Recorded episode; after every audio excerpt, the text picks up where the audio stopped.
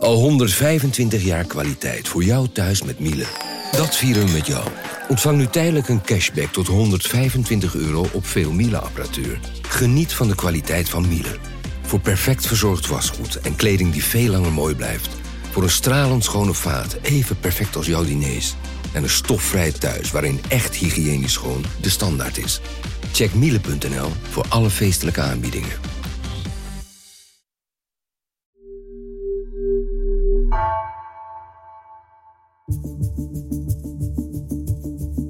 De redactie van NRC het verhaal van vandaag. Mijn naam is Thomas Rup.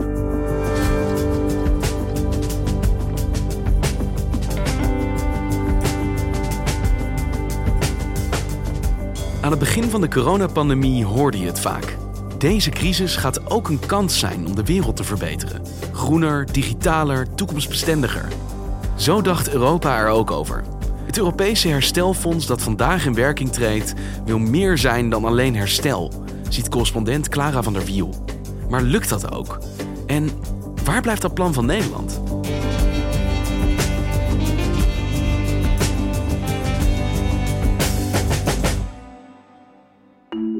Una sfida epocale e straordinaria dopo il braccio di ferro con Bruxelles e l'estenuante Het confronto. was 24 april 2021 en ja, het was al heel laat in de avond, maar op dat moment was eindelijk het herstelplan voor Italië af. Una montagna di soldi che potrebbe cambiare il volto del paese. Dat plan beslaat 377 pagina's. En het is enorm gedetailleerd. Er staan allerlei verschillende maatregelen en, en plannen in om Italië te hervormen.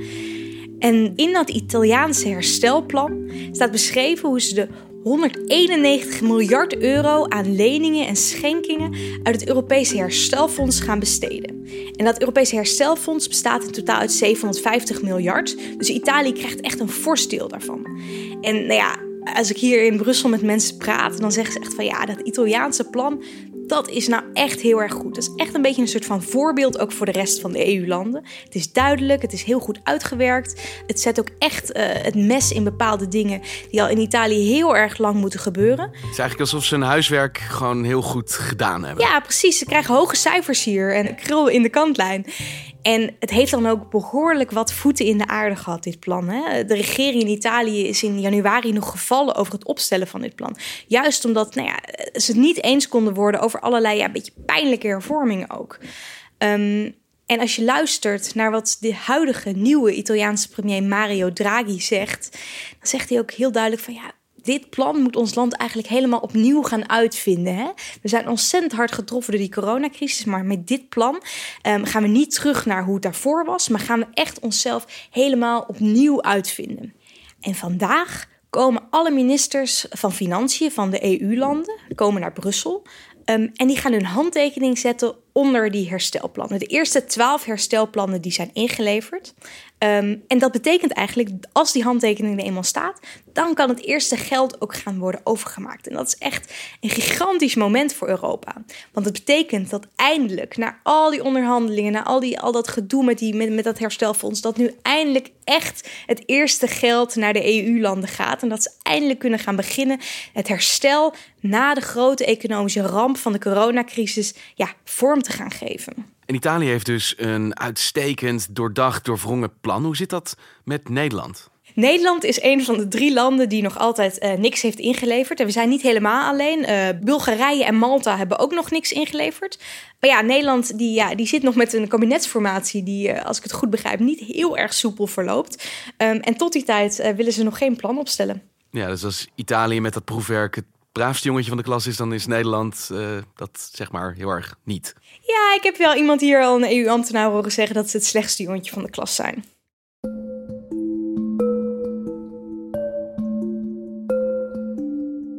Hey Clara, dit Europese herstelfonds, waar hebben we het dan precies over? Ja, het Europese herstelfonds, hier in, de, in Brussel wordt het ook wel Next Generation EU Recovery Plan genoemd. Daar komt dus 750 miljard euro wordt daarin gestopt. Het wordt dan vervolgens uitgedeeld aan alle EU-landen om eh, ja, het herstel na de coronacrisis vorm te gaan geven. Dat geld is voor de komende vijf jaar, dus van 2021 eh, tot 2026. Want waar haal je een bedrag van 750 miljard euro vandaan? Ja, dat lag hier niet zomaar op de plank in Brussel. Uh, daarvoor gaat de Europese Commissie, en dat hebben ze ook al gedaan, uh, de kapitaalmarkten op. Dus ze gaan geld lenen uh, namens Europa. En dat is heel erg nieuw. Want kijk, als Nederland extra geld nodig heeft, bijvoorbeeld om horecaondernemers te steunen in de coronacrisis, ja, dan gaat Wopke Hoekstra en zijn ambtenaren, die gaan de kapitaalmarkten op om, om geld te lenen. Dus dat gebeurt natuurlijk heel veel, hè, dat nationale overheden dat doen. Maar dat Europa dat doet, hè, namens al die 27 EU-landen, dat is echt heel erg nieuw. En dat dat dan vervolgens ook als gezamenlijk geld wordt uitgegeven, hè, dat is echt heel erg uniek en dat hebben we nog niet eerder gezien.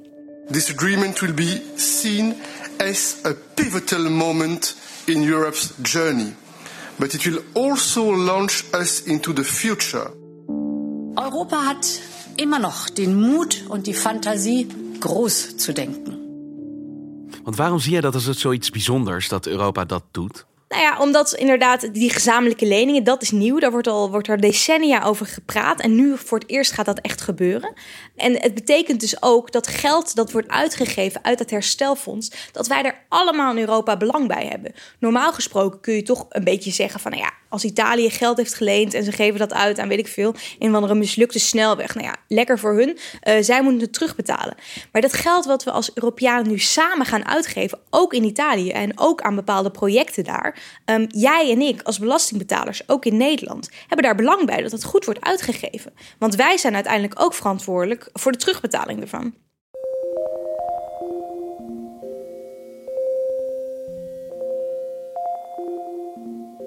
Want waar is al dit geld nou precies voor bedoeld, Clara? Geld is bedoeld om Europa eigenlijk opnieuw te gaan hertekenen na die gigantische economische klap die de coronacrisis heeft veroorzaakt. Bedoeld om echt eigenlijk een soort van boost te geven om de economie weer op te gaan starten.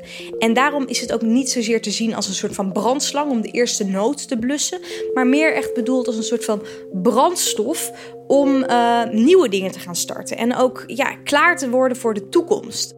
En von der Leyen, Ursula von der Leyen, de voorzitter van de Europese Commissie, ja, die, die houdt nogal van, uh, van gezwollen taal. En die noemde dit plan dan ook niet voor niks. Ja, de kans van de eeuw voor Europa. This is the opportunity of the century for Europe. A truly historic moment.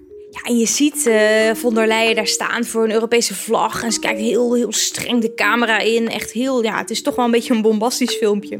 We want to build a green Europe, which protects our climate and our environment. And which creates sustainable jobs. We want to invest in a digital Europe, innovative and competitive in global markets. And we want a resilient Europe, which is better prepared to face future crises. Ja, er zit dus wat hoogdravende toon ook wel in. Ja, dat kun je zeker zeggen. Ik bedoel, daar houdt zij ontzettend van. Uh, en dat zie je ook wel een beetje aan de manier waarop dit hele plan nu uh, voortdurend uh, wordt gepromoot. Nou ja, ze maakt zelf graag vlogs. ze twittert graag hele leuke foto's van zichzelf.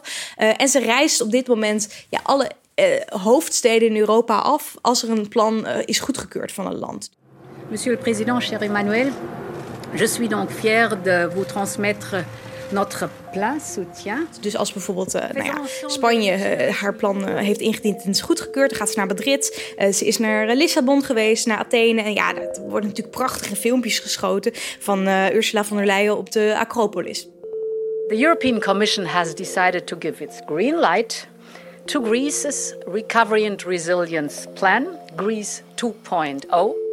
And it is with pride and confidence in our European future that I hand over to you, Antonio, your National Recovery and Resilience Plan. Obrigada.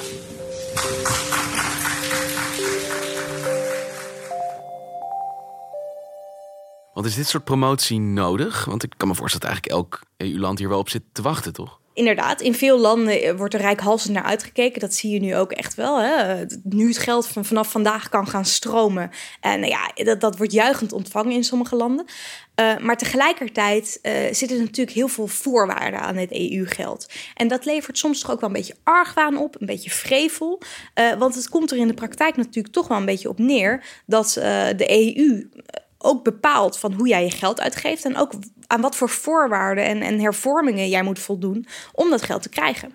Want aan welke voorwaarden moet je dan denken? Wat eist Europa terug van de landen voor ze dit geld kunnen krijgen? Ja, je moet die plannen eigenlijk een beetje zien uh, als twee onderdelen. Aan de ene kant heb je echt de uitgaven, uh, dus waar je het geld aan uit wil gaan geven. En daar zijn hele strikte voorwaarden aan. Je moet bijvoorbeeld 37% van het geld dat jij krijgt, moet je aantoonbaar aan de klimaattransitie uitgeven. Dus bijvoorbeeld aan uh, nou ja, zonnepanelen, windparken, uh, waterstofinfrastructuur. Um, en 20% van het geld dat moet gaan naar het, het verbeteren van de digitalisering van je land. Dus bijvoorbeeld de aanleg van breedbandinternet of um, ja, digitalisering digitalisering van scholen. En daarnaast mag het geld ook niet uh, schade toebrengen aan, aan klimaat en milieu. Dus je mag niet bijvoorbeeld opeens het geld gebruiken om een nieuwe kolencentrale te bouwen. Dus het geeft echt een beetje een boost aan die ambitie van Europa om snel klimaatneutraal te worden. En naast dat investeringsdeel van het plan is het andere deel van het plan eigenlijk misschien nog wel belangrijker. Want daarin legt een land uit wat voor economische hervormingen ze gaan doorvoeren om hun economie sterker uit die coronacrisis uh, te laten komen. En die hervormingen, dat is wel interessant, want dat is natuurlijk precies waar uh, onze premier Mark Rutte vorig jaar heel erg voor pleitte in de onderhandelingen over dit herstelfonds. Rutte speelde daarin een hele centrale rol. En waarom was dat? Dat was omdat hij enorm drukte op die hervormingen. Hij vond echt van als er geld gaat, dan wil ik zeker weten dat die landen ook echt aan de slag gaan om, om er sterker uit te komen en zich beter voor te bereiden op de volgende economische klap. If the South um, is needing help uh, from other countries in terms to cope with the crisis. I understand that eh, because there is limited scope uh, to deal with that uh, financially themselves. Then I think it is only reasonable for us to ask for a clear commitment to reforms. En Mark Rutte was een beetje leider van de zuinige vier, hè? Dat, dat herinner je je misschien wel. Four northern EU countries, known as the Frugal Four, are pushing back on a German Franco plan to issue EU debt. But the Netherlands, Austria, Denmark, and Sweden have rejected the proposal. So I don't like blame game, but the Dutch man is the real responsible man for whole mess we have. En hij kreeg ook de bijnaam Mr. No hier in Brussel, omdat hij de hele tijd nee bleef zeggen. Hè? Um, en, maar door die halstarrige houding is het ook echt wel, die hervormingen, die, die, die moeten echt heel erg streng zijn daarom. Uh, er wordt echt streng op toegezien dat die hervormingen ook uh, echt worden doorgevoerd in landen. En dat is een harde voorwaarde. Op het moment dat ze dat geld krijgen en ze voeren niet die hervormingen uit die Rutte onder meer wil, dan wordt het ook stopgezet. Ja, zeker. Kijk, je krijgt een soort van voorfinanciering, zodat je alvast aan de slag kunt van 30% van het geld. Uh, maar de rest, dus het grootste deel, dat volgt pas als je ook echt ja, aan bepaalde beloftes hebt voldaan. Dus bijvoorbeeld Spanje belooft al dat ze eind dit jaar al de eerste hervormingen doorvoeren aan hun arbeidsmarkt. En ze spreken dus af van ja, dan en dan beginnen we daarmee, dan en dan hebben we dat resultaat. En dan gaat de commissie vervolgens kijken van, hm, is dat gebeurd? En als het niet is gebeurd, dan wordt het geld niet overgemaakt. En elke keer moet er dus uh, zo'n zo mijlpaal worden bereikt voordat het geld kan gaan stromen. En elke keer als die controle er is, ja, dan komt Nederland ook weer om de hoek kijken. Hè? Die gaat dan kijken van, hey, zijn wij het er eigenlijk wel mee eens? Of vinden wij toch dat het geld nu meteen moet worden stopgezet? En dat werd ook wel de Rutte-rem genoemd. Hè? Een soort van noodrem waar een land, in dit geval dan dus Nederland misschien, aan kan trekken als ze het niet eens zijn met uh, geld dat wordt overgemaakt. En dat geld dat gaat stromen, ervan uitgaan dat iedereen zich aan die voorwaarden houdt, wordt dus ook echt gezien om een kans om Europa op een hele grote schaal te veranderen. Ja, precies. Want ik bedoel, elk jaar um, geeft de commissie eigenlijk allerlei tips aan de EU-landen om hun economie te hervormen, om zo sterker te worden. Hè? En die tips, ja, die worden normaal gesproken eigenlijk in ontvangst genomen door al die EU-landen en zegt van oké, nou bedankt, we gaan er weer niks mee doen. Dus verdwijnen weer in een la. Maar op dit moment zijn eigenlijk die adviezen van de commissie, die zijn onderdeel geworden van die plannen. En daar kan nu echt mee begonnen worden. Dus het is ja, toch, wordt wel gezien als een, als een kans om, om Europa opnieuw uit te vinden toch Europa 2.0. Ja, zo zou je het zeker kunnen zien, ja.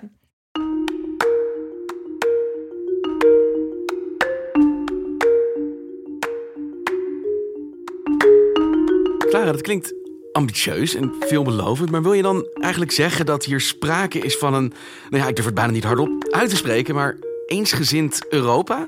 Nou, dat is nou natuurlijk ook weer niet helemaal zo. Critici die zien toch ook wel dat het een soort van ja, nieuwe ja, macht vanuit Brussel is. Dat, dat de EU nog meer verbonden wordt. Ik bedoel, sommige mensen die, die, die juichen dat natuurlijk enorm toe. Hè? Van eindelijk uh, treedt de EU echt krachtig en, en eh, ja, eenduidig op. Anderen die zien toch een beetje een soort van uh, overreach. Waarbij er opeens veel meer ja, bevoegdheden naar Brussel gaan dat wordt echt niet overal met, met enthousiasme ontvangen. Kijk, dat geld, ja, dat wil iedereen wel. Maar dat er zoveel ja, strings attached zijn, dat is, dat is toch ook best een ongemakkelijk punt voor, voor sommige landen. En wat je ook wel een beetje merkt, is dat er ook wel een beetje ja, vrevel is over dat uh, het toch erop lijkt dat niet alle landen gelijk zijn in de EU. Hè? Ik bedoel, ik zei al, dat, dat, dat plan van Italië, dat werd echt heel erg goed onthaald hier in Brussel. Hetzelfde geldt voor het plan van Griekenland, het plan van Spanje. Weet je, dat zijn echt nou ja, uh, goede voorbeelden, zeggen ze. Maar het plan van Frankrijk en het plan van Duitsland, moi, dat is toch een beetje een, uh, ja, net een voldoende, zou ik zeggen. Uh, Frankrijk bijvoorbeeld, nou, die hikt al jaren aan tegen een hele belangrijke pensioenhervorming. Uh, nou ja, daar staan eigenlijk nauwelijks um, ja, beloftes en, en heel harde afspraken over, over die hervorming in het plan. Hetzelfde geldt voor ook een pensioenhervorming in Duitsland. Um, dus je ziet dat, dat, dat die grote en ook wel echt machtige landen zich er toch een beetje makkelijk vanaf hebben gemaakt. Dus de kritiek is dan eigenlijk dat bepaalde landen, zoals Duitsland, eigenlijk met ja, een beetje broddelwerk wegkomen. Waar dat voor andere landen misschien niet zou gelden. Ja, precies. Dat het toch, omdat het machtige landen zijn, toch een beetje iets soepeler wordt omgegaan met een uh, matig huiswerkopdracht.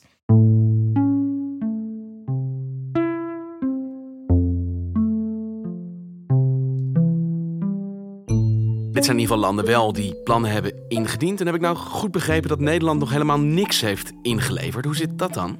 Ja, dat klopt. Uh, Nederland is dus een van de laatste drie landen die nog helemaal niks hebben ingeleverd. En de andere twee landen, Malta en Bulgarije, die zijn al wel heel druk bezig. Dat plan is wel echt bijna af. Uh, maar voor Nederland ligt er eigenlijk nog bijna helemaal niks. En dat heeft er met de formatie te maken.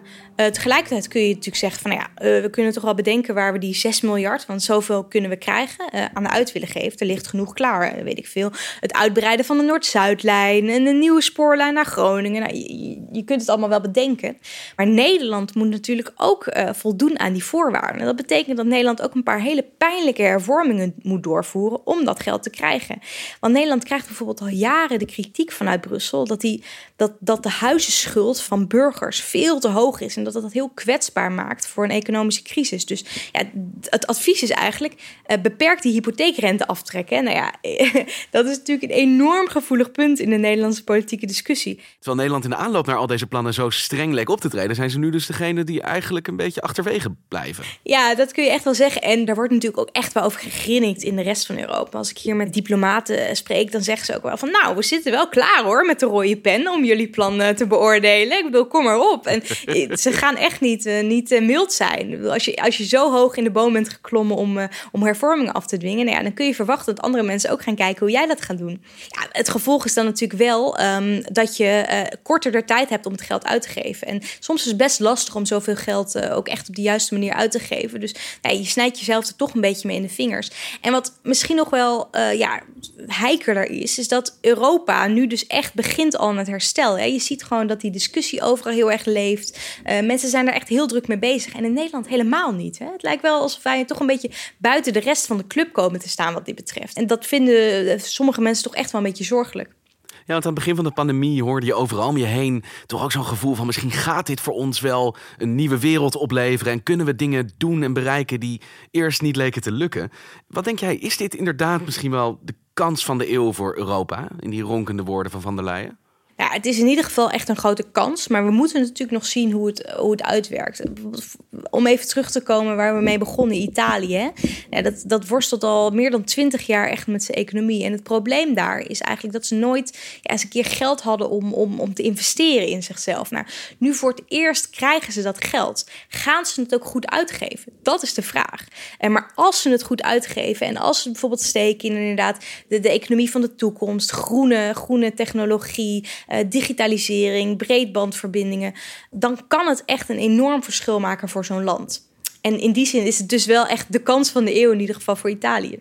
Ja, en als je dat dan gezamenlijk combineert met al die andere landen, misschien echt een begin van een nieuw Europa. Ja, dat is wel de hoop hier in Brussel. En dat, uh, maar goed, dat moeten we de komende maanden en jaren wel goed in de gaten gaan houden. En dan moet Nederland ook nog even over de brug komen. Ja, precies. Want de kans voor Europa, ja, je hoopt dat Nederland ook die kans zelf gaat grijpen. Dankjewel, Clara.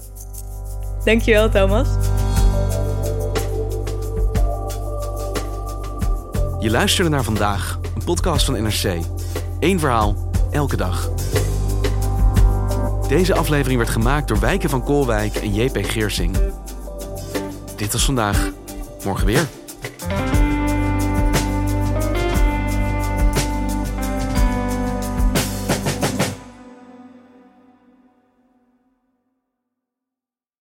Technologie lijkt tegenwoordig het antwoord op iedere uitdaging. Bij PwC zien we dit anders. Als we de potentie van technologie willen benutten, kunnen we niet zonder een menselijk perspectief. Human-led, tech-powered noemen we dat. Ga naar pwc.nl.